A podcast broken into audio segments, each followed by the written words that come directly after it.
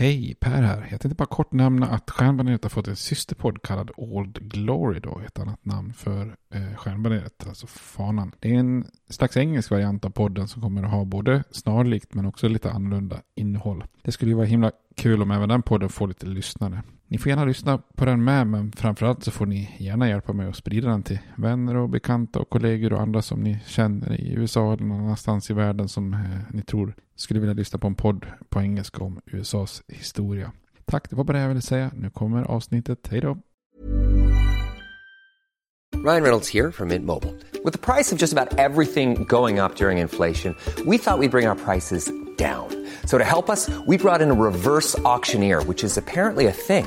Mint Mobile unlimited premium wireless. Ready to get 30, 30, bit to get 30, bit to get 20, 20, 20, bit to get 20, 20, bit to get 15, 15, 15, 15 just 15 bucks a month. So, Give it a try at mintmobile.com/switch. slash $45 upfront for three months plus taxes and fees. Promo for new customers for limited time. Unlimited more than 40 gigabytes per month. Slows. Full terms at mintmobile.com. Millions of people have lost weight with personalized plans from Noom, like Evan, who can't stand salads and still lost 50 pounds. salads generally for most people are the easy button, right? For me, that wasn't an option. I never really was a salad guy. That's just not who I am. But Noom worked for me. Get your personalized plan today at Noom.com. Real Noom user compensated to provide their story. In four weeks, the typical Noom user can expect to lose one to two pounds per week. Individual results may vary. Hiring for your small business? If you're not looking for professionals on LinkedIn, you're looking in the wrong place. That's like looking for your car keys in a fish tank. LinkedIn helps you hire professionals you can't find anywhere else, even those who aren't actively searching for a new job but might be open to the perfect role. In a given month, over 70% of LinkedIn users don't even visit other leading job sites. So start looking in the right place. With LinkedIn, you can hire professionals like a professional. Post your free job on linkedin.com slash people today.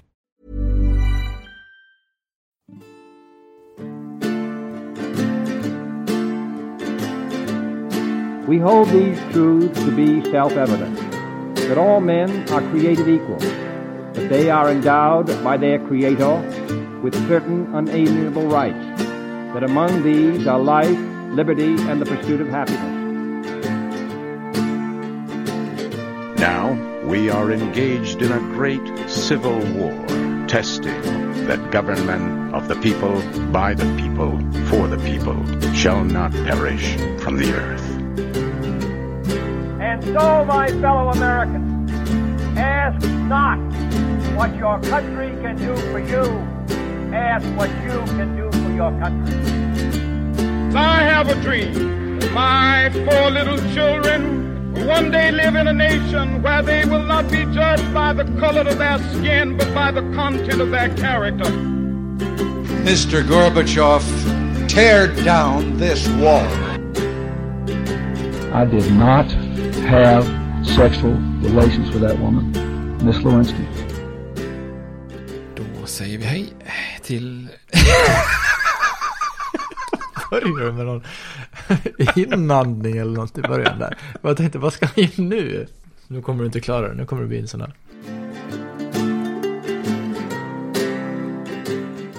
Då hälsar vi välkomna till Stjärnbaneret, en podcast om amerikansk historia. Eh, Med mig Per Fjärdeby och med dig Robert Wex. Ja, jag är med. Idag igen. Ja, nu satt jag den äntligen. Ja, bra. Jag börjar fnissa, jag kommer in fel. Vi, Ja, men vi, vi är på gott humör, det är väl det som eh, gör Eller är det vår känslor kanske ja, som kan, kan, spelar vara, in? kan vara så. Ja, men Har så... du, har du känt av pollen någonting? Nej, inte riktigt än tror jag. Jag tror jag har blivit pollenallergisk de senaste åren här. Ja, men välkommen. Ja, nu vet jag hur du Ja. har haft det genom Ja, alla år. Min sår har varit lite låg så jag började med medicin på honom. Så Ja. jag tror att det ligger lite i luften där. Så att, eh, ja. Men jag har redan tjuvat igång med medicin. Annars klarar jag aldrig Göteborgsvarvet. Jag tycker jag- det killar liksom lite i ögonen och sen rinner näsan lite. Jag är inte förkyld. Aha. Så det borde vara något sådär att man störs av någonting kanske. Ja, ja. Men härligt med vår. Du, Verkligen. ska du berätta lite om vad vi har eh, pratat om hittills och vad dagens avsnitt ska handla om? Jag vet att vi kommer in på eh, James Madison heter han va? Ja, precis. Vi hade ju en litet porträtt av honom i, i ett avsnitt. Ja, det hade vi ju. Ja. Ja. det var ju första gången jag hörde talas om honom nästan. Precis. Han och eh, Hamilton skrev väl också ihop några Ja, grejer va? Vad, vad kallades de? The Federalist Papers? eller? Precis. Ja, Eh, ja, ja, tillsammans med John. Jay. Ja. John Jay. Ja, precis. Så nu, eh, nu, nu ska han äntligen bli president. Nu blir han president, nu- ja. Eh, och vi fortsätter i den här översiktsserien. Eh, det kanske vi inte sa så tydligt förra avsnittet insåg jag. Men eh, det, vi har ju precis haft eh, det här maktskiftet år 1800 när republikanerna tar över. Eh, alltså inte dagens republikaner utan dåtidens parti som ibland kallas för de demokratiska republikanerna. Eh, de tog ju över makten från federalisterna 1800 och sen har ju då Jefferson, Thomas Jefferson styrt landet i åtta år. Eh, och då har ju James Madison varit eh, utrikesminister. Men eh, nu är det dags då här 1808 för Madison själv att ta över. Och han satts ju i en ganska svår situation på en gång då eftersom man har en konflikt med Storbritannien på gång.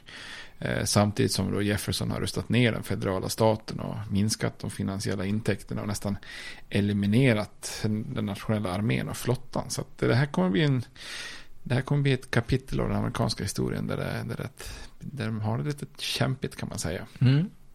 Och det är lite så här, man tänker på krig, storledare och, eh, och då, om man, om, om man minns tillbaka på James Madison där, han var ganska liten, ser väldigt barnslig ut, eh, inte någon jättestor talare. Man kanske inte riktigt ser han som den här stora filmiska presidenten Nej. som står och håller ett brinnande tal för, för armén så att säga. Men innan vi går in på det, ja, vad ska vi rekommendera? För Ja. tips? Nu har du tipsat mig här innan om att vi kommer komma in på nationalsången som dyker upp under den här eh, tidseran. Japp. Och den heter ju Star Spangled Banner. Nej. Jo, det är precis som flaggan. Ja, det är så. ja, Jag tänkte, ja. det är Ja, så. precis, man Börjar bli blir- alldeles... Ja, nej, men Och så det, det, är ju... eh, Det kan man ju säga att podden heter också då. Ja, Stjärnbaneret precis. eller? Det är Ja. ju Star Spangled Banner. Men det finns ju ett bryggeri då naturligtvis. Ja, Ja, såklart. ett amerikanskt bryggeri som heter Star Spangled Banner Brewery. Det ligger i Tennessee.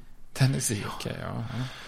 Så eh, där blir det väl också svårt att få tag på någon öl ifrån då. Men när du tänker på riktigt patriotisk öl, vad tänker du på för sort då? Ja, men om man tänker på eh, så här riktigt så tänker man ju på en Budweiser liksom. Ja. Som, som folk dricker till höger och vänster i USA. Är den något förknippat med, eller är det ett eget märke, den här Pabst? Pabst? Är det också en sån här Pabst? Har Blue aning. Ribbon eller vad den heter. Blue Ribbon, ja men det känner jag igen. Ja. Men eh, jag vet ingenting Jag om har det. fått för mig att de är förknippade på något Ja, sätt. det kan det vara. Den känns Men ju som ju- en typisk... Ja, För de, de här, vad heter det? Ja, Bush någonting, bryggeriet, alltså det är ju, är ju enormt. Så Ja. de har väl köpt upp det mesta, Ja. förutom de mindre hantverksbryggerierna. Det måste det ju vara. Ja. Eh, nej, så eh, någon riktigt patriotisk tänker jag att det blir här nu när, när vi ändå kommer prata om nationalsången och flaggan Ja. kanske. Ja, Mm. jag vet inte om vi rekommenderar någon gång, men det finns ju en Mikkel, han danska, Amer- The American Dream, en sån eh, Det känner jag igen. IPL, va? en sån här det. lager, kar- karaktärsfull lager. Gud vad vi kommer liksom, inte försäga oss, men säga saker igen. Man kommer Ja. inte riktigt ihåg. Har vi pratat om det Nej. privat, du och jag? Ja. Eller har vi spelat in det i podden? Ja. Det, kommer, det kommer ställa till det för oss. Ni får, eh, ni får eh, härda ut den eventuella förvirringen. Ja. precis. Men inget klockrent eh, öltips den här gången, tyvärr. Nej, men det, det kommer. Det kommer. Ja, precis. Det ska bli spännande som sagt när vi flyttar oss västerut sen. Ska vi se vad vi hittar för Ja, då ska vi hitta bryggerier. mycket och... spännande. Ja, ja, Ja, verkligen. Sierra Nevada har vi ju sen där borta. Ja, precis. Mm. Då ska vi ända bort till Kalifornien. Ja, men det tar inte så lång tid nu faktiskt. Nej, nu går det ju borde- superfort. Så att jag menar, Kalifornien blir ju en eh, delstat eh, på 1850-talet. Så att, eh, Ja, de har ju ändå hittat, som du- vi gick igenom i förra avsnittet, de har hittat eh, Stilla havskusten nu. Ja, så nu precis. vet man ju i alla fall att det finns ett slut på... precis. ja, det måste man ju vetat innan. Ja, det hade de ju Ja. kanske. Men de har i alla fall de börjar förstå kontinentens Ja, precis. storlek i alla fall.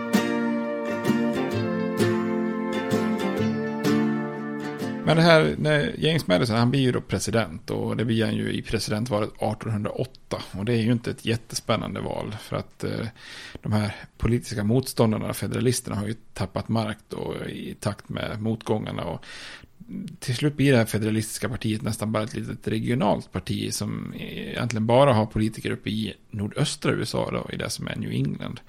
Eh, och med de här federalisterna så försvagade så är det ju ingen alltså då är det ju den republikanska kandidaten som blir president. Så man kan säga att presidentvalet 1808 avgörs snarare på republikanernas då, kallas för caucus, alltså någon slags partikonventsaktigt eh, partigruppsmöte, eller vad man ska mm. säga då. Så att när det republikanska partiet nominerar eh, sin kandidat så kommer man ju också veta i princip att den kandidaten kommer också bli president då.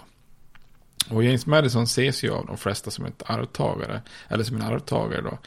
Ehm, och i tidig amerikansk historia är det väldigt ofta så att den som har varit utrikesminister ligger väldigt gott till att bli ta över som president. Så mm. det är mm. många utrikesministrar som, som tar över som, som eh, president. Då. Eh, men som jag sa i förra avsnittet då, så har ju Jeffersons eh, Alltså han har ju tummat lite på sin ideologi och då har det ju uppstått några så här gammelrepublikaner och vi nämnde han John Randolph som hade med hundarna i kongressen och så vidare. Det, det är några där de lyfter fram James Monroe som kandidat då, men eh, det, han är lite mer renodlad ideologiskt då eh, och var till och med sån här antifederalist, alltså han var motsatte sig konstitutionen en gång i tiden. Mm. Eh, men han blir inte president här då, men han kommer ju sen då, som vi ser, kommer bli president åtta år senare då. När Madison tar över då så är det ju ett bekymmersamt läge då. Han ärver ju de här problemen från, med, med britter och fransmännen som, som har förvärrats av det här embargot 1807 då. Eh, så när Madison slår ner sin rumpa i Vita huset då så är det ju uppenbart att det embargot har misslyckats kapitalt och det måste bort då. Så att det, det, det tar han bort väldigt snabbt. Men då är också frågan så här, vad ska vi ha istället då? Eh, så kongressen röstar igenom en ny åtgärd 1809 som kallas för Non-Intercourse Act. Eh, alltså en slags icke-förbindelse.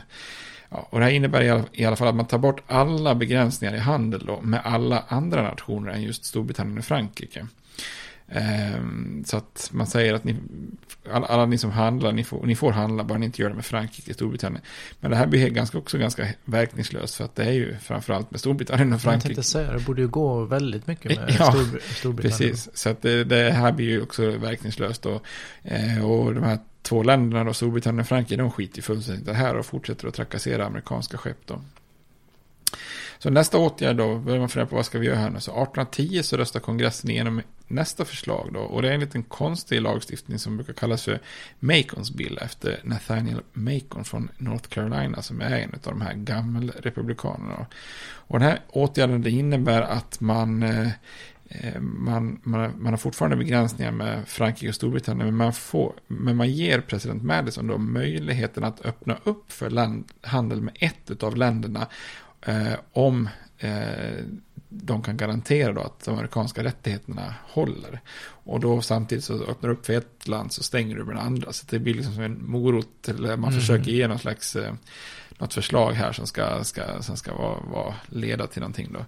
Och Napoleon, han är ju lite slug då, så han, test, han, vill, han är ju villig att testa det här då, så att han låter sin utrikesminister göra ett antal lite så här vaga uttalanden om att Frankrike ska, ska häva vissa sådana här dekret och, och eh, ska respektera amerikanska skepp och så vidare det här. Och britterna de, de protesterar lite och många andra säger att Nej, men det här är ju bara ett uppenbart försök av Madison, och, eller säga av eh, Napoleon att försöka få till ett krig då mellan Storbritannien och, och USA. Då. Mm. Men Madison han går ju lite på den här lätta, kan man säga, det här betet. Då. Så 1810 så öppnar Madison upp för handel med Frankrike samtidigt som han förbjuder handel med Storbritannien. Och eh, säger åt britterna att eh, nu har ni några månader på er att, att följa Frankrikes, Frankrikes exempel då, och respektera amerikanska skepp. Då. Och det här är ju liksom första eh, steget mot ett krig då. Och Madisons presidentskap brukar inte alltså, beskrivas som sådär superstarkt eller kanske förtroendeingivande. Däremot är det ett antal eh, yngre ledare i kongressen som, skriver, som kliver fram i rampljuset. Då. Eh, den främsta av den här är då Henry Clay som vi nämnde tror jag, i förra avsnittet. Mm. Eh, för Clay han är kanske den här första riktigt, riktigt stora talaren i kongressen. Han är väldigt smart, han är skicklig. På sin allra första dag i representanthuset när han är 34 år gammal så väljs han till talman direkt då. Eh, och istället för att som tidigare talmän vara med någon slags liksom, så här, ordningsman och ordförande så, så använder han sin, den här centrala rollen för att ta kommando i debatter och driva igenom sin politik. Och, och han är också den första som verkligen börjar så här, utse lojala ordföranden i olika utskott och alltså sådana här committees eh, för att verkligen liksom skapa upp en lojalitet. Då. Så Clay och hans anhängare, då bland annat en eh, man som heter John Calhoun som kommer att bli väldigt central sen när det är striden mellan nord och syd. Eh, men, men i, det här till, i det här läget så, så kallas de här för krigshökar. Warhawks, det är ju en sån här benämning som fortfarande brukar användas. Att är man en hök då är man ju för krig. Liksom, ja, man vill starta igång något då. Precis då. Eh, och de här eh, Warhawks, eh, krigssökarna, de anser att britterna måste sluta förödmjuka USA och att eh, eh, och, och, och, andra neutrala länder, eller också måste det tyvärr bli krig. Alltså de vill, de vill att det ska vara hårdhandskarna här. Så under vintern 1811-1812 så, så leder de här krigshögarna kongressen successivt mot krig. Eh, I november så röstar man igenom en upprustning eftersom armén och flottan är i så dåligt skick. Ehm, och är så liten. Eh, och i april så röstar man igenom ett 90 dagars eh, embargo. Och då är tanken att alla amerikanska skepp som har varit ute på olika seglatser ska hinna tillbaks samtidigt som inga nya ska, ska liksom segla iväg. För att mm. om man nu ska ha en krig då så är det bättre att ha skeppen på, ja, på hemmaplan. Då, så att, sen så övertalar man då Madison att försöker få honom att övertala att, att efterfråga en slags krigsförklaring då från kongressen. Och den första juni så ber Madison i ett skriftligt meddelande eh, lite grann om en krigsförklaring. Han är, han är ju dock väldigt noggrann med att följa konstitutionen. Att, uh, han, han ska ju inte begära krig direkt. Uh, alltså, utan han vill respektera konstitutionen. Utan han gör mer en lista av alltså, brittiska brott. Han räknar upp ett antal brott som britterna har begått. Och enligt honom är lite grann som självständighetsförklaring egentligen. Räknar upp ett massa brott som mm. kungen har begått mot, eh, mot eh, kolonierna. Så den 13 juni 1812 så förklarar kongressen krig mot Storbritannien. Då. Och det är första gången som krig förklaras enligt konstitutionen så som det ska. Då, med att det är kongressen som, som, som förklarar krig. Men eh, de är inte så eniga faktiskt. Därför att eh, det, det är med rösterna 79-49 i, i representanthuset och 19 mot 13 i senaten. Så att det är ganska många alltså federalister och vissa republikaner i norr och så, alltså de här All Republicans i söder som, som motsätter sig kriget. Men det blir ändå krig då. Och man, man kan också nämna det, det som är ironiskt är att den brittiska utris, utrikesministern, han tänkte ju häva britternas, eh, britternas de här lagarna, och, det brukar kallas för Orders in Council, två dagar senare. Men då är det ju för sent. Alltså man hade behövt den här telegrafen över Atlanten för att nyheterna skulle gå lite fortare. Man ja. kanske kunna undvika, undvika det här kriget. Då. Eh, och det här kriget som startar nu, det kallas ju kort, kort och gott för kriget 1812 jävla fantasilöst. Är det bara ett år? Det Nej, det är det som är så konstigt också. Ja. Det var ju mellan 1812 och 1815. Ja. Så, ja. Eh, och vi, när vi pratar den koloniala eran så hade vi ju Kapten eh, Jenkins, kriget om Kapten Jenkins öra, det här avskurna örat. Så mm. det, det, är liksom, det kallar jag namn, liksom. Ja. Det, det, är mycket bättre. Eh, men eftersom det här är kriget mot, är, är, är ett krig mot britterna igen och att eftersom man nästan håller på att förlora det Eh, plus att man också har behandlat lite grann som en lillebror här utav Storbritannien. Så brukar det här kriget kallas lite allmänt för andra frihetskriget. Och det är väl inte, eh, det är väl inte särskilt, ja det är nästan ett bättre namn tycker jag, det andra ja. frihetskriget. Eh, man kan tycka att USAs inledning av kriget är lite underligt. För man, man har ju deklarerat ett krig för att försvara sin suveränitet och sina maritima rättigheter på världshaven. Då, för få med sjömännen kidnappade och så vidare. Och då, då kan man ju nästan förvänta sig ett krig som utspelar sig liksom till havs och längs eh, kusterna. Det vore inte helt orimligt. Nej. Men istället så resonerar de här krigshökarna bland republikanerna att ja, men det kommer bli omöjligt att mäta sig med den brittiska flottan. Så att man rustar upp flottan ganska lite faktiskt. Eh, och det har man ju i princip rätt i också, för ganska snabbt så väljer ju britterna att block, eh, en block, göra en blockad av hela, hela den amerikanska kusten då, från New, Orleans, New York till New Orleans. Och de är lite sluga britterna där, för de, de lämnar kusten i New England öppen, där uppe i nordost. Därför att man förstår ju att det är ett ganska stort missnöje mot republikanerna och Madison där uppe. Så man, man lämnar den kustlinjen fri så att de ska kunna handla, handla illegalt då, så att mm. eh, försöka spä på missnöjet då i USA där uppe. Eh, men de här krigshögarna, istället så föreslår man en offensiv mot det brittiska Kanada med tre styrkor. Och det här är ett beslut som gör att ganska många anklagar Madison och den här kongressmajoriteten för att egentligen ha startat det här kriget som ett aggressivt expansionskrig då snarare än ett krig för att försvara USAs eh, rättigheter. Ett Mm. annat namn på kriget sa jag inte för att det heter ju, brukar kallas för Mr. Madisons War. Säga, efter, efter Madison själv. Mm. Men de som förespråkar den här Kanada-offensiven, de ser det här som en lämplig, alltså mer som en lämplig strategi. Alltså Kanada bedöms, bedöms vara, ha ett ganska svagt försvar. Det finns en befolkning på ungefär bara 500 000 och en halv miljon. Och många av de här är ju fransmän med svaga, eller ja, före detta fransmän med ganska svaga band till Storbritannien. Eh, och i takt med att Napoleon, Napoleons kontroll över liksom, Europas kontinent har hårdnat eh, och USA har haft det här embargot, och då har ju Storbritannien fått svårt att försörja sitt väst, västindiska imperium. Och då har ju liksom Kanada fyllt, fyllt den luckan, att Kanada har man liksom skeppat en massa spannmål och sånt söderut till Västindien då. Och då tycker man att Kanada därför är den bästa liksom, svaga punkten att slå till på mot, mot britterna. Eh, och en annan ytterligare anledning till att slå till mot Kanada det är också att man äntligen vill få stopp på britternas eh, ska säga, konspirerande med indianstammarna i eh, nordväst. Då, för stammarna där har också tappat mycket mark och ganska stor konkurrens då från nybyggare om jaktmarker och sånt här och har drabbats hårt av sjukdomar. Så flera eh, utav indianledarna vid den här tiden har ju då börjat bygga koalitioner och börjat liksom förespråka ett krig eh, som på ett sätt som då skrämmer USA lite grann här.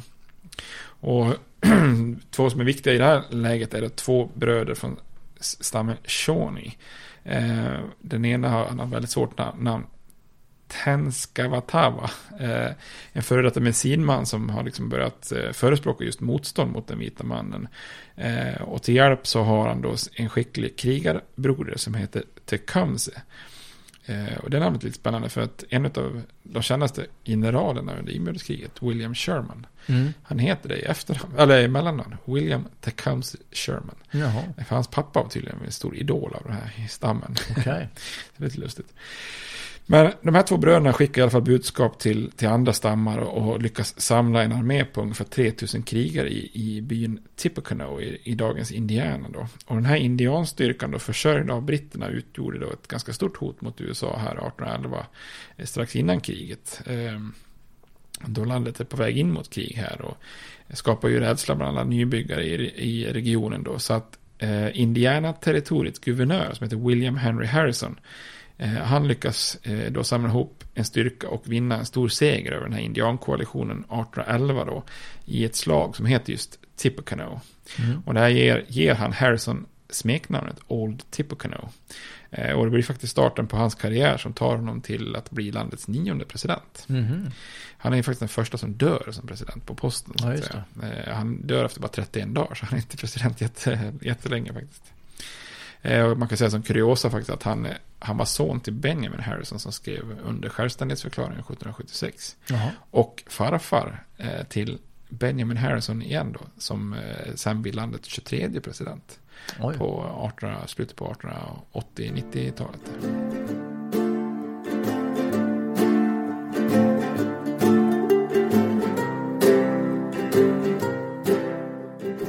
Hur går den här invasionen av Kanada då? Som du nämnde i början. där? Ja, man sätter ju igång då lite glad i hågen därför att via de här vinsterna mot, eh, mot ursprungsbefolkningen här så har man ju ryggen fri från, från, från det hotet då. Och då sätter man av på den här invasion- invasionen av Kanada 1812. Men man kan väl säga så här om man ska sammanfatta det, det går käpprätt åt helvete på alla, alla fronter. Ingen av de styrkorna man skickar iväg eh, lyckas särskilt bra. Dessutom så går de kanadensiska trupperna där till, eller de brittiska i Kanada, de går till motattack och så eh, tappar amerikanerna Fort Detroit, alltså det som blir Detroit som bara är ett litet fort här ute i västern vid det här tillfället. Då. Eh, därför att befälhavaren där, William Hull, han är väldigt rädd för att de brittiska som har många indianallierade ska, ska massakrera, massakrera kvinnor och barn, så han kapitulerar rätt av där.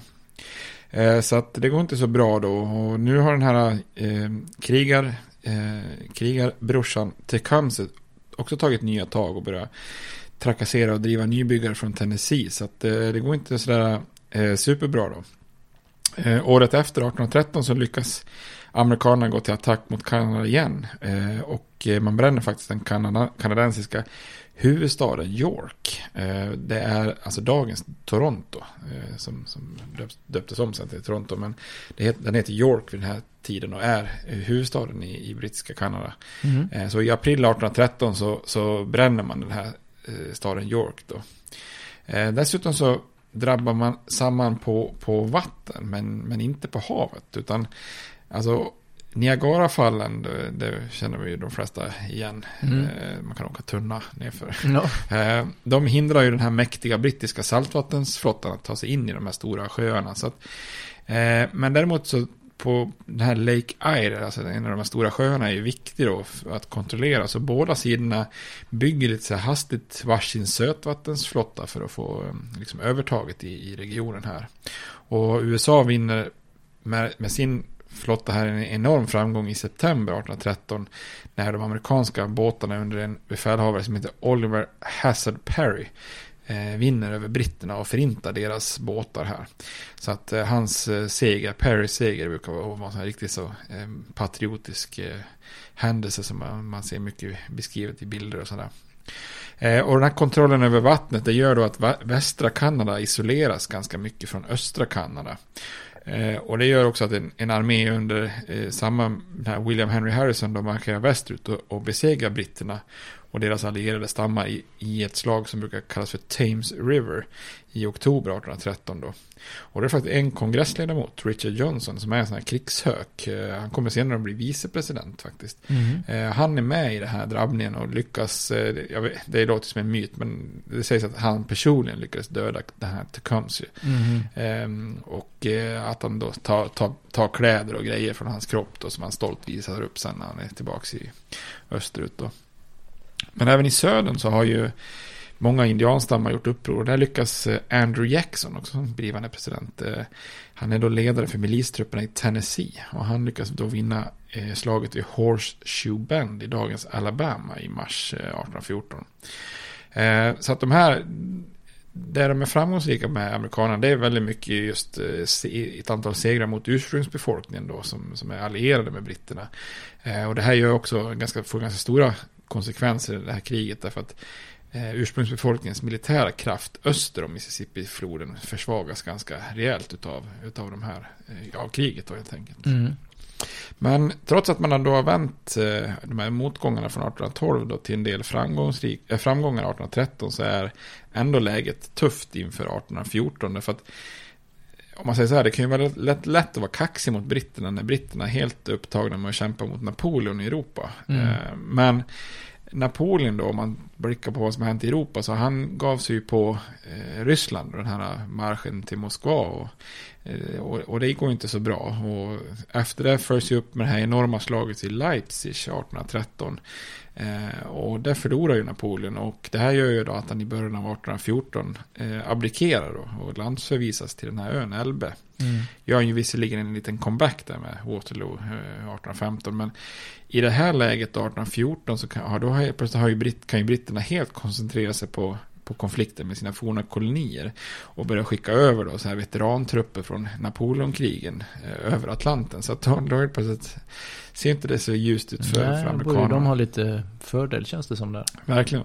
Så britterna de tänker då 1814 att göra slut på USA genom tre offensiver. Då. En från norr längs eh, den stora sjön Champlain i eh, övre delen av New York. Eh, en mot eh, alltså Chesapeake-området, alltså bukten där, Washington, huvudstaden, ligger beläget. Och sen en eh, offensiv mot New Orleans då. Och den här offensiven från norr, den kör fast i den här sjön då, för att amerikanerna har även där lyckats gjort en liten sötvattensflotta. Och eh, man lyckas då vinna slaget vid Plattsburgh i september 1814 och tvingar den här brittiska styrkan att återvända till Kanada. Så det är ju i alla fall en, en, eh, en liten tröst för amerikanerna. Men det går inte så bra lite längre söderut då. För 4000 brittiska veteraner från Napoleonkriget landsätts i Maryland under en eh, kille som heter Robert Ross.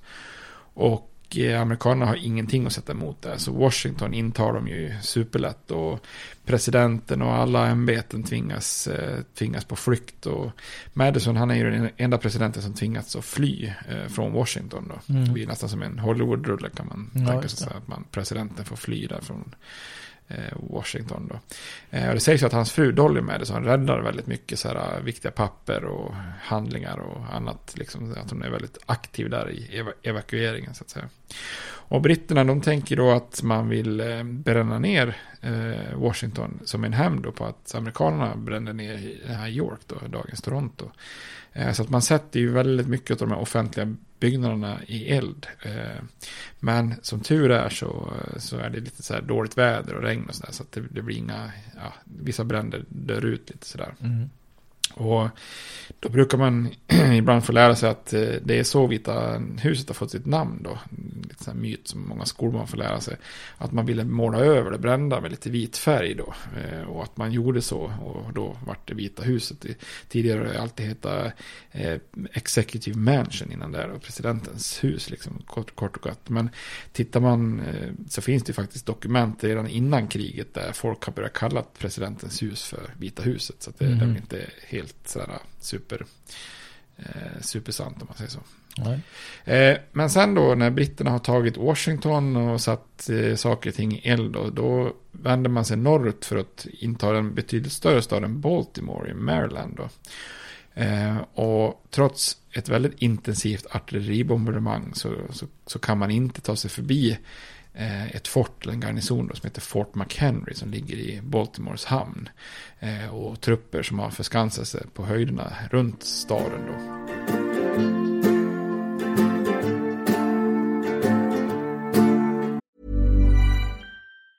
A lot can happen in three years, like a chatbot may be your new best friend. But what won't change? Needing health insurance. United Healthcare Tri Term Medical Plans, underwritten by Golden Rule Insurance Company, offer flexible, budget friendly coverage that lasts nearly three years in some states. Learn more at uh1.com. Hiring for your small business? If you're not looking for professionals on LinkedIn, you're looking in the wrong place. That's like looking for your car keys in a fish tank.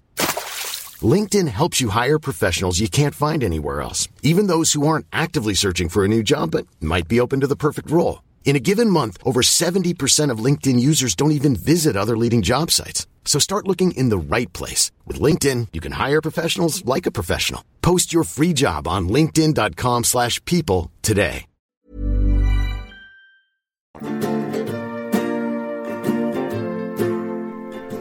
Men det här bombardemanget av Baltimore kan ändå vara värt att nämna, för det är det som inspirerar eh, Francis Scott Key att skriva nationalsången, Star Spangled Banner. Eh, som man, ja, vi, på svenska brukar vi säga stjärnbaneret som podden heter, Mm. men eh, man skulle väl kunna, stjärnbeströdda fanan skulle man väl egentligen, om man ska översätta Ja, det så här, eh, ord, ordagrant då. Och den här historien bakom det här då, det är att han, Francis Scott Key, han befinner sig faktiskt ombord på ett brittiskt skepp. För att han har tagit sig dit för att eh, förhandla om en fångstutväxling då. Eh, det är bland annat en god vän till honom som sitter fängslad hos britterna. Eh, och han är där och ska förhandla och det blir lite så här, ja men lite så här middag och förhandlingar samtidigt då. Och sen precis när det här är klart så då ska de ju börja bombardemanget, britterna, och då tillåts inte den här amerikanska förhandlingsstyrkan att återvända till Baltimore eftersom de har sett lite för mycket av britternas styrka. Så att då säger britterna att ni får stanna kvar här eh, tills efter bombardemanget för att vi vill inte släppa iväg er, ni har för mycket information då. Så det här innebär ju att han, Scott Key, han får ju alltså se Eh, britterna bombardera sitt eget Fort McHenry då från britternas horisont ombord på det här eh, skeppet. Då. Så att han står där lite nervöst då och spanar efter en så här enorm amerikansk flagga som vajar över Fort McHenry. Den, jag tror den finns kvar fortfarande, ja, jag vet inte hur många meter den är, men den är enorm i alla fall. Och han ser ju den här flaggan då vaja så här i skymningen. Eh, och sen under natten när bomberna liksom lyser upp ibland så kan han skymta flaggan sådär. Eh, och sen i gryningen då så kan han ju jättestolt konstatera att flaggan fortfarande vajar då. Att Mm. amerikanerna inte har eh, kapitulerat då. Eh, och det är då dagen efter som han då skriver eh, en dikt som heter Defense of Fort McHenry. Och det är ju det som blir texten då. Musiken är från en gammal engelsk dryckesvisa om jag har förstått det hela rätt. Ja, jag har också för mig att det liksom var någon dryckesvisa, att det hänger ihop på det sättet. Men det är Ja. alltså själva melodin kanske då? Ja, precis. Det är Ja. själva melodin, ja. Och så lägger man till den här texten från dikten. Ja, precis då. Och det, officiellt så blir det inte nationalsång förrän 1931 då. Eh, och den är ju ganska lång, alltså man sjunger ju oftast bara den första versen. Eh, men det finns ju massa fler, han skrev ju ganska långt då. Men det är ju en lite konstig melodi, alltså den är ju väldigt svårsjungen och lite kantig sådär i rytmen och, och alltså och många, jag tror inte många funderar på texten, alltså speciellt inte svenskar. Eh, Men ser man texten och kan den här historien om kriget 1812 och den här bombningen av Fort McHenry så är den ju ganska logisk där. Jag såg någon slags svensk översättning av, av låten. Eh, eller ja, av sången då. Så jag tänkte att jag skulle läsa upp den. Ja, gör det. Jag, jag, jag vill inte sjunga. Nej, det behöver inte. Det behöver inte. Eh, men nästan som en rycks med. säg kan du se. Eh, och säg kan du se i gryningens tidiga ljus. Var så stolt vi hyllade i skymningens sista glans. Vars breda bana vars breda band och ljusa stjärnor genom den farliga strid och de vallar vi såg var så galant strömmande och raketernas röda bländande bomber brista i luften gav bevis genom natten att vår flagga var kvar där och säg gör det stjärnsprängda baneret ännu vågen över landet för de fria och hemmet för de modiga. Mm. Så det, ja. Och följer man texten så, så nu från och med nu, alla som lyssnar på nationalsången i något sportsammanhang så lyssna noga på texten så, så eh, kan ni förstå hur han står. Ja, tack står- för den genomgången. Det har inte jag tänkt på. Man har ju förstått att det på något sätt borde ha att göra med något slag där om man ser flaggan och Home of the Brave har man Ja, liksom precis. alltid... Ja, men slutet har man alltid sett. Ja. Ja, det finns ju, alltså jag vet ju, jag undrar om inte det är Whitney Houston som sjöng nationalsången vid någon Super Bowl där som har varit väldigt sådär uppmärksammat som den, en av de bästa versionerna någonsin. Mm. Jag har ju lite svårt, jag tycker hon bara skriker. Eller, Ja. så jävla hög. eh, Ja. hög ja. Den, eh, den låten är väldigt eh, tydligt kopplad till den här händelsen i alla fall. ja, en svårsjungen låt. Som du sa. Ja, men det. Konstig rytm liksom. Och Ja. Det känns som att de, ja men det känns lite som att de inte, de har ju inte matchat låten med texten liksom. Det, det går lite fort i vissa fraser. Ja. Och, ja, Var inte du som tipsade om att Frank Drebin försöker sjunga den i... ja, precis. Jo, Nakna- han är ju... Nakna han- pistolen. Ja, just det. Han tar ju, han slår ju ner eh, Han som ska sjunga. han som ska sjunga. Ja. För han måste komma nära någon ute på eh, baseballfältet. Ja, baseballplan. Ja. Så då Ja. sjunger han ja. Ja, sen blir han domare. va? Ja, så blir han domare. Ja. Nej, men det är då han helt plötsligt ska sjunga. ja, det är ju klassisk filmscen. Ja, men han är nog inte ensam om att ha svårt med texten och melodin och takten Nej, där kanske. Då. nej.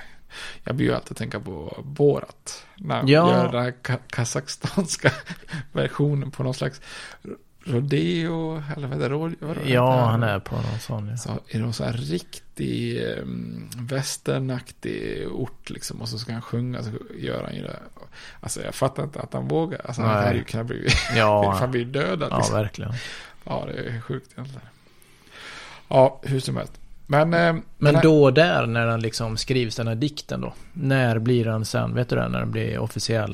Sa du det? Ja, precis. När blir Eh, den- Vad, vad sa jag nu då? Det, ja, När 1931. antas den liksom? I 1931, om jag inte har helt fel, så, så tror jag att den blir officiell eh, nationalsång. Och innan dess så har man kanske Jag vet faktiskt sjungit den liksom. Den, kommer Ja, ju, den jo, men dyker inte upp nog. från ingenstans tänker jag. Nej, det, det tror jag inte. Jag kan Nej. inte helt historien, men det, det, man får väl gissa att den har blivit, gjort sig populär. kanske.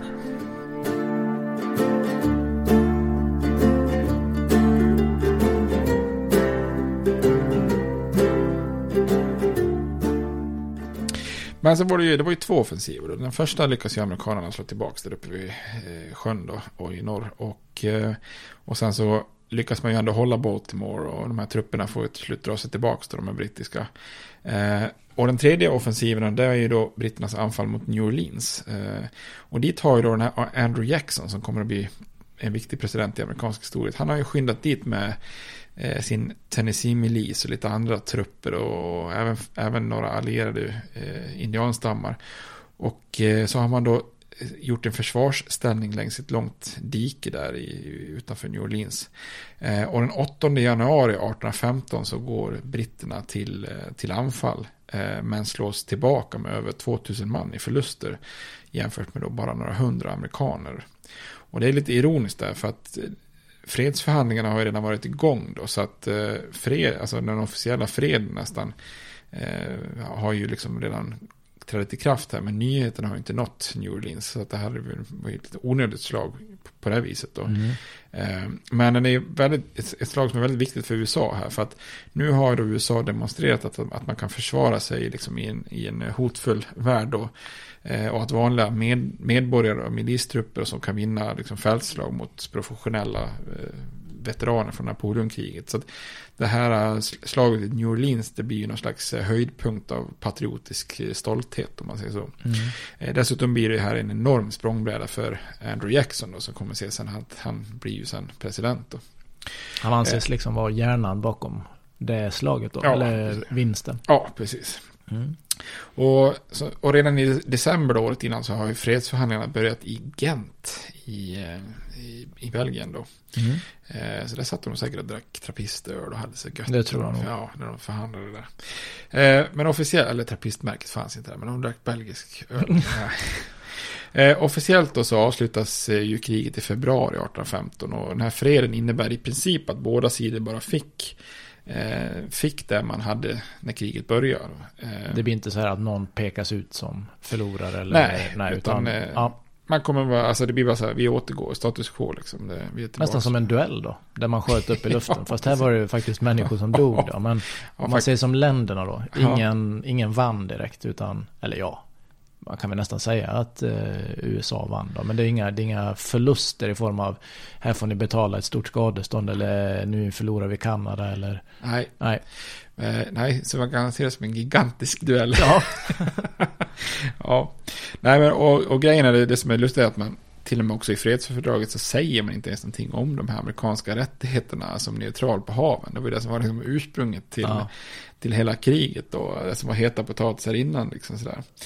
Eh, så det, det, är ju lite märkligt att man inte, inte gör det. Då. Eh, sen är det också en händelse som är viktig här. Att, för att den här freden var också dödsstöten för det här federalistiska partiet. Då, för att eh, de här delstaterna i New England då, i nordost, de var ju väldigt engelskvänliga då och hade varit kraftiga motståndare till Mr. Madisons krig här. Eh, och det var som jag sa, de blockerade inte ens den kusten. För att de ville slå in en kil där. Och i slutet av kriget så träffas representanter från de här staterna på ett konvent i Hartford i, i Connecticut. Och där lägger man fram ett antal konstitutionella ändringar som man kräver då. Eh, till exempel att minska slavstaternas inflytande, alltså den här trefemtedelsregeln vill man avskaffa. Och, eh, man vill också införa att det ska vara två tredjedels majoritet i båda kamrar för att kongressen ska kunna förklara, förklara ett krig, vilket då hade stoppat att det hade blivit ett krig 1812. Då.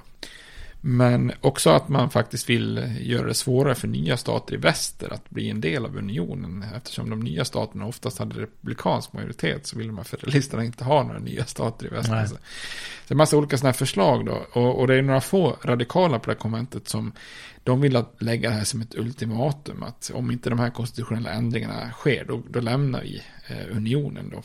Så det är faktiskt inte bara södern som kan spela ut det här, nu hotar vi att lämna unionen-kortet, utan eh, det kortet spelas även ut i, i, nordöstra, eller nordöstra USA vid ett tillfälle då. Men det här konventet själva tajmingen är ju helt värdelös. För att precis lagom till de här hoten, när, en delegation kommer ner med de här hoten och ska leverera dem i, i Washington då, eh, så är ju värsta fredsyran och man hyllar Jacksons stora seger i New Orleans. Och, så de här delegaterna förstår ju att det är ju en hopplös eh, position som man återvänder egentligen bara hem utan att göra någonting då. Och många av de här federalisterna som deltog i, på det här konventet i Hartford, de blir ju nästan stämplade som, som förrädare då.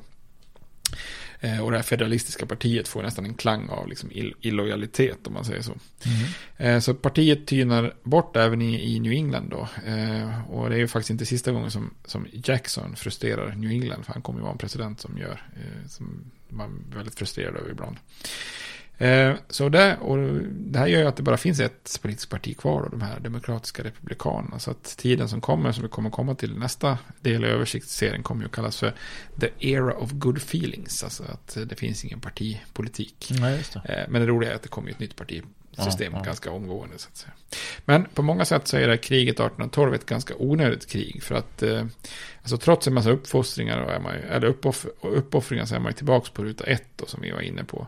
Men för USA, precis som du sa, det känns ändå som en seger för USA på något vis. Och det är ju för att det är en viktig milstolpe. För nu är man ju då nu har man ju ordentligt frigjort sig från, från Storbritannien. Så det här and, att det heter andra frihetskriget är ju ett passande namn på det. här Då.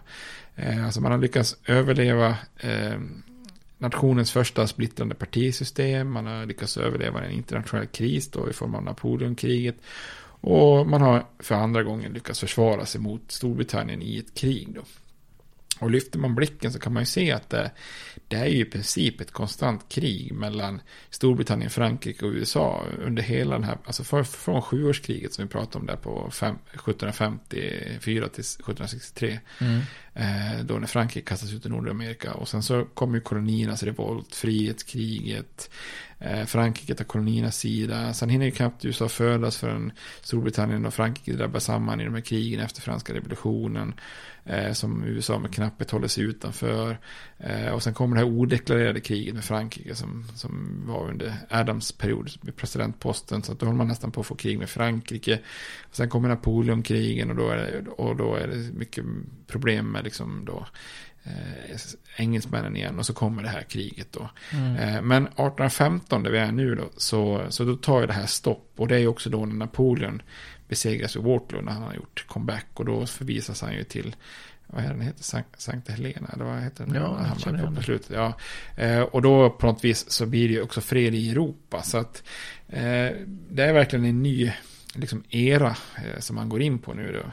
Eh, och titta, om man, Jefferson och Madison, om man tittar tillbaka på deras år då av republikanskt styre från 1800 till 1816 då, så kan man ju se då en del framgångar. Då. alltså, de har ju, eh, kan ju tycka att de har räddat landet och försvarat den amerikanska friheten. Både från de europeiska makterna då, eh, men också i, ett annat, i andra frihetskriget då. Men också att man tycker att man har försvarat landet från de här maktgalna federalisterna som har försökt att militarisera landet och fängslat oliktänkande med de här uppvigningslagarna och sådär. Och, eh, och de här nationella bankerna och de här centraliserade statsskulderna finns ju visserligen kvar då som ett arv från Hamilton. Men, men man tycker ändå att nu övervakar ju vi eh, det här så att då är det ingen fara liksom. Eh, samtidigt som det finns lite mörka moln på himlen då. Eh, eh det börjar till och med för Jefferson bli ganska uppenbart att det här enkla jordbrukssamhället och hans vision på att eh, liksom eh, att, att det inte blir någon industrialisering och sånt där. Det, med större städer och större marknader och sånt där. Och ökade krav på transporter. Man börjar se skymningen av att man är på väg åt det hållet. Liksom, Mm. sådär. Men, eh, och så, som, som vi kommer se då, så är det ju snarare Hamiltons vision som kommer att prägla USA då med, under kommande tidsperiod. Då. Så att eh, hade Hamilton levt lika länge som Jefferson så kanske han hade kunnat sagt vad var det jag sa. Ja, det.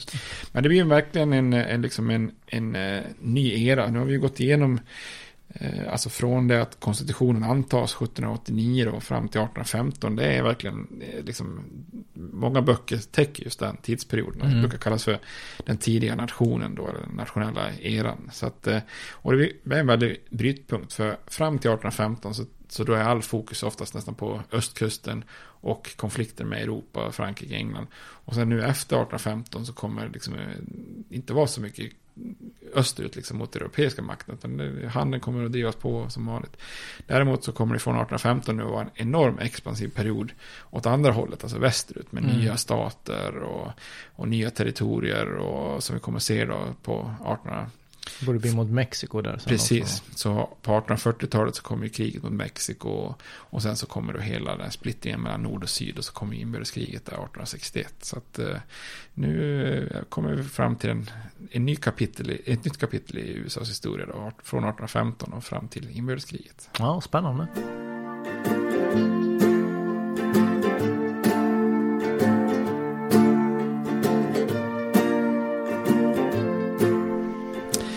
Gott, har vi något, eh, vi har ju redan nämnt lite olika saker. Vi, Frank Drabin är jag glad att vi tog upp. ja, men Nakna pistolen, Borat har vi nämnt. Har vi något mer, eh, jag tänker du på något mer med nationalsången? Eh, nej, kanske inte så mycket just med den. Det var ju bra att jag fick veta den historiska berättelsen bakom den nu. Lite tydligare då. Eh, det är jag nöjd över. Men sen tänkte jag på Alltså, Storbritannien hade då allierade i form av olika indianstammar. Men det hade väl USA, amerikanerna också. De hade väl också en del indianstammar. Jag har för mig att de här eh, Cherokee, vad säger man på svenska? Cherokeserna. Ja, precis. Jag brukar använda de engelska namnen. Ja. Det blir alltid lite konstigt när man säger Ja. på svenska. Men det säger, ja, Cherokee- cherokeserna kanske. Ja. Jag vill säga Cherokee. Ja, Cherokee, ja. ja. Där har jag ett minne från, om de nu var med på um, amerikanernas sida. Ja, men det kan nog stämma. Ja. Ja. Vi hade ju en skivspelare och så hade pappa någon gammal eh, C, nej det heter inte CD, LP-singel, vad hette det då? När det var sån, det var bara en låt på varje sida. Som stor som en LP?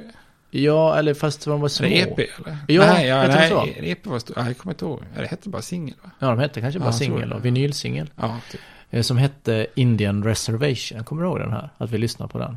They took the whole Cherokee nation and put us in this reservation. Ja, fast det kom ju sen. Det är ju det här Trails Ja, of jag Tears. menar det. Ja, men ja. vilket, vilket svek då. Ja, ja, att visst om de nu var med då Ja, ja. och hjälpte Ja, till. säkert och sen, ja. Ja.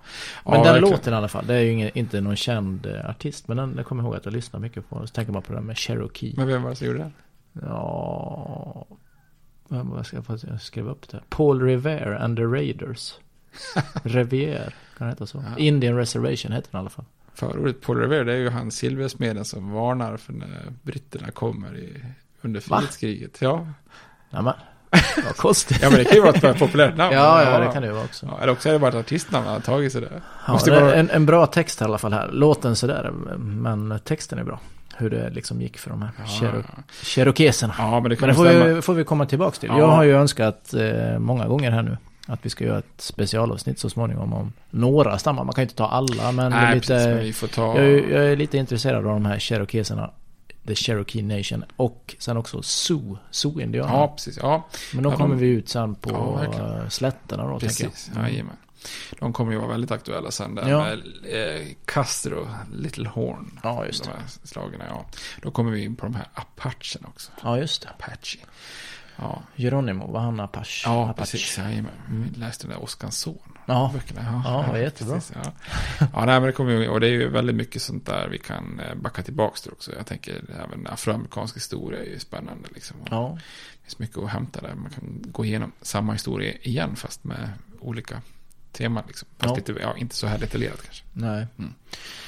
Ja, annars har vi redan, du nämnde ju snabbt här, jag kommer inte ihåg vad det var i för del, men du nämnde ju Hartford. Just det, ja, Connecticut. Ja, precis. Men de har vi pratat om med Ulf Samuelsson. Precis, ja. Hartford Whalers. Precis, Tuffa. Ja, det var ju bra namn. Det, Mm. det var ju mycket valfångst där uppe. Ja. att, Men annars har vi väl inte, ja, man, det har vi inte kollat upp, men Andrew Jackson då? Är han eh, på något sätt ansvarig för att det sen blir ett Jacksonville, eller?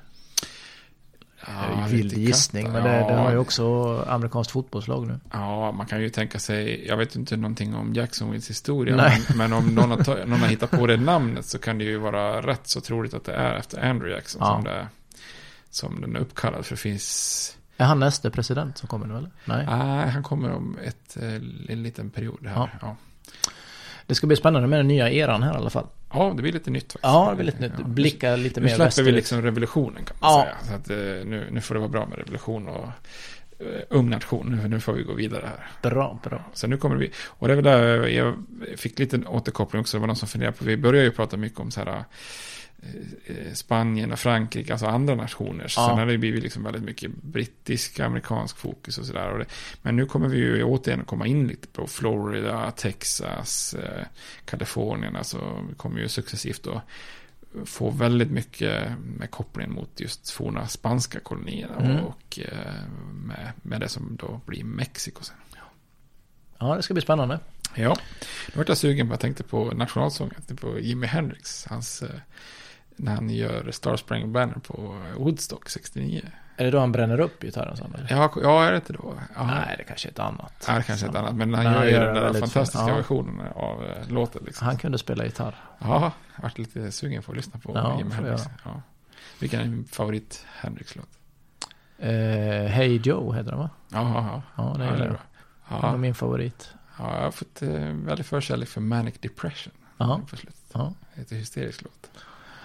All along the Watchtower är väl bra också. Ja, den är fin faktiskt. Får man säga. Ja, men bra. Ja. Då eh, hoppas vi att vi har eh, erbjudit, på, erbjudit bra lyssningar med lite nationalsång och lite krig och lite, Ja, lite. lite James Madison. Med en liten blandning här på slutet. Ja, men eh, då får vi önska alla en fortsatt bra dag. Ja, det gör vi. Ja, Tack så mycket. tack, hej. States like these and their terrorist allies constitute an axis of evil. And if the hippies and the yippies and the disruptors of the systems that Washington and Lincoln as presidents brought forth in this country will shut up and work within our free system of government, I will lower my voice. if the impeachment provision in the Constitution of the United States will not reach the offenses charged here, then perhaps that 18th century Constitution should be abandoned to a 20th century paper shredder. Therefore, I shall resign the presidency effective at noon tomorrow.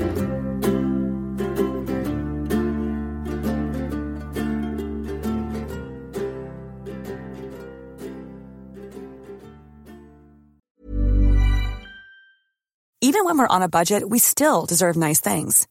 Quince is a place to scoop up stunning high-end goods for 50 to 80% less than similar brands. They have buttery soft cashmere sweaters starting at $50, luxurious Italian leather bags, and so much more. Plus, Quince only works with factories that use safe, ethical, and responsible manufacturing. Get the high-end goods you'll love without the high price tag with Quince.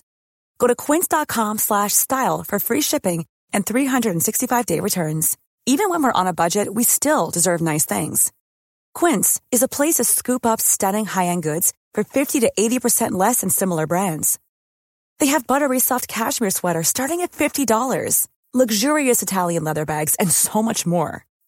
Plus, Quince only works with factories that use safe, ethical, and responsible manufacturing.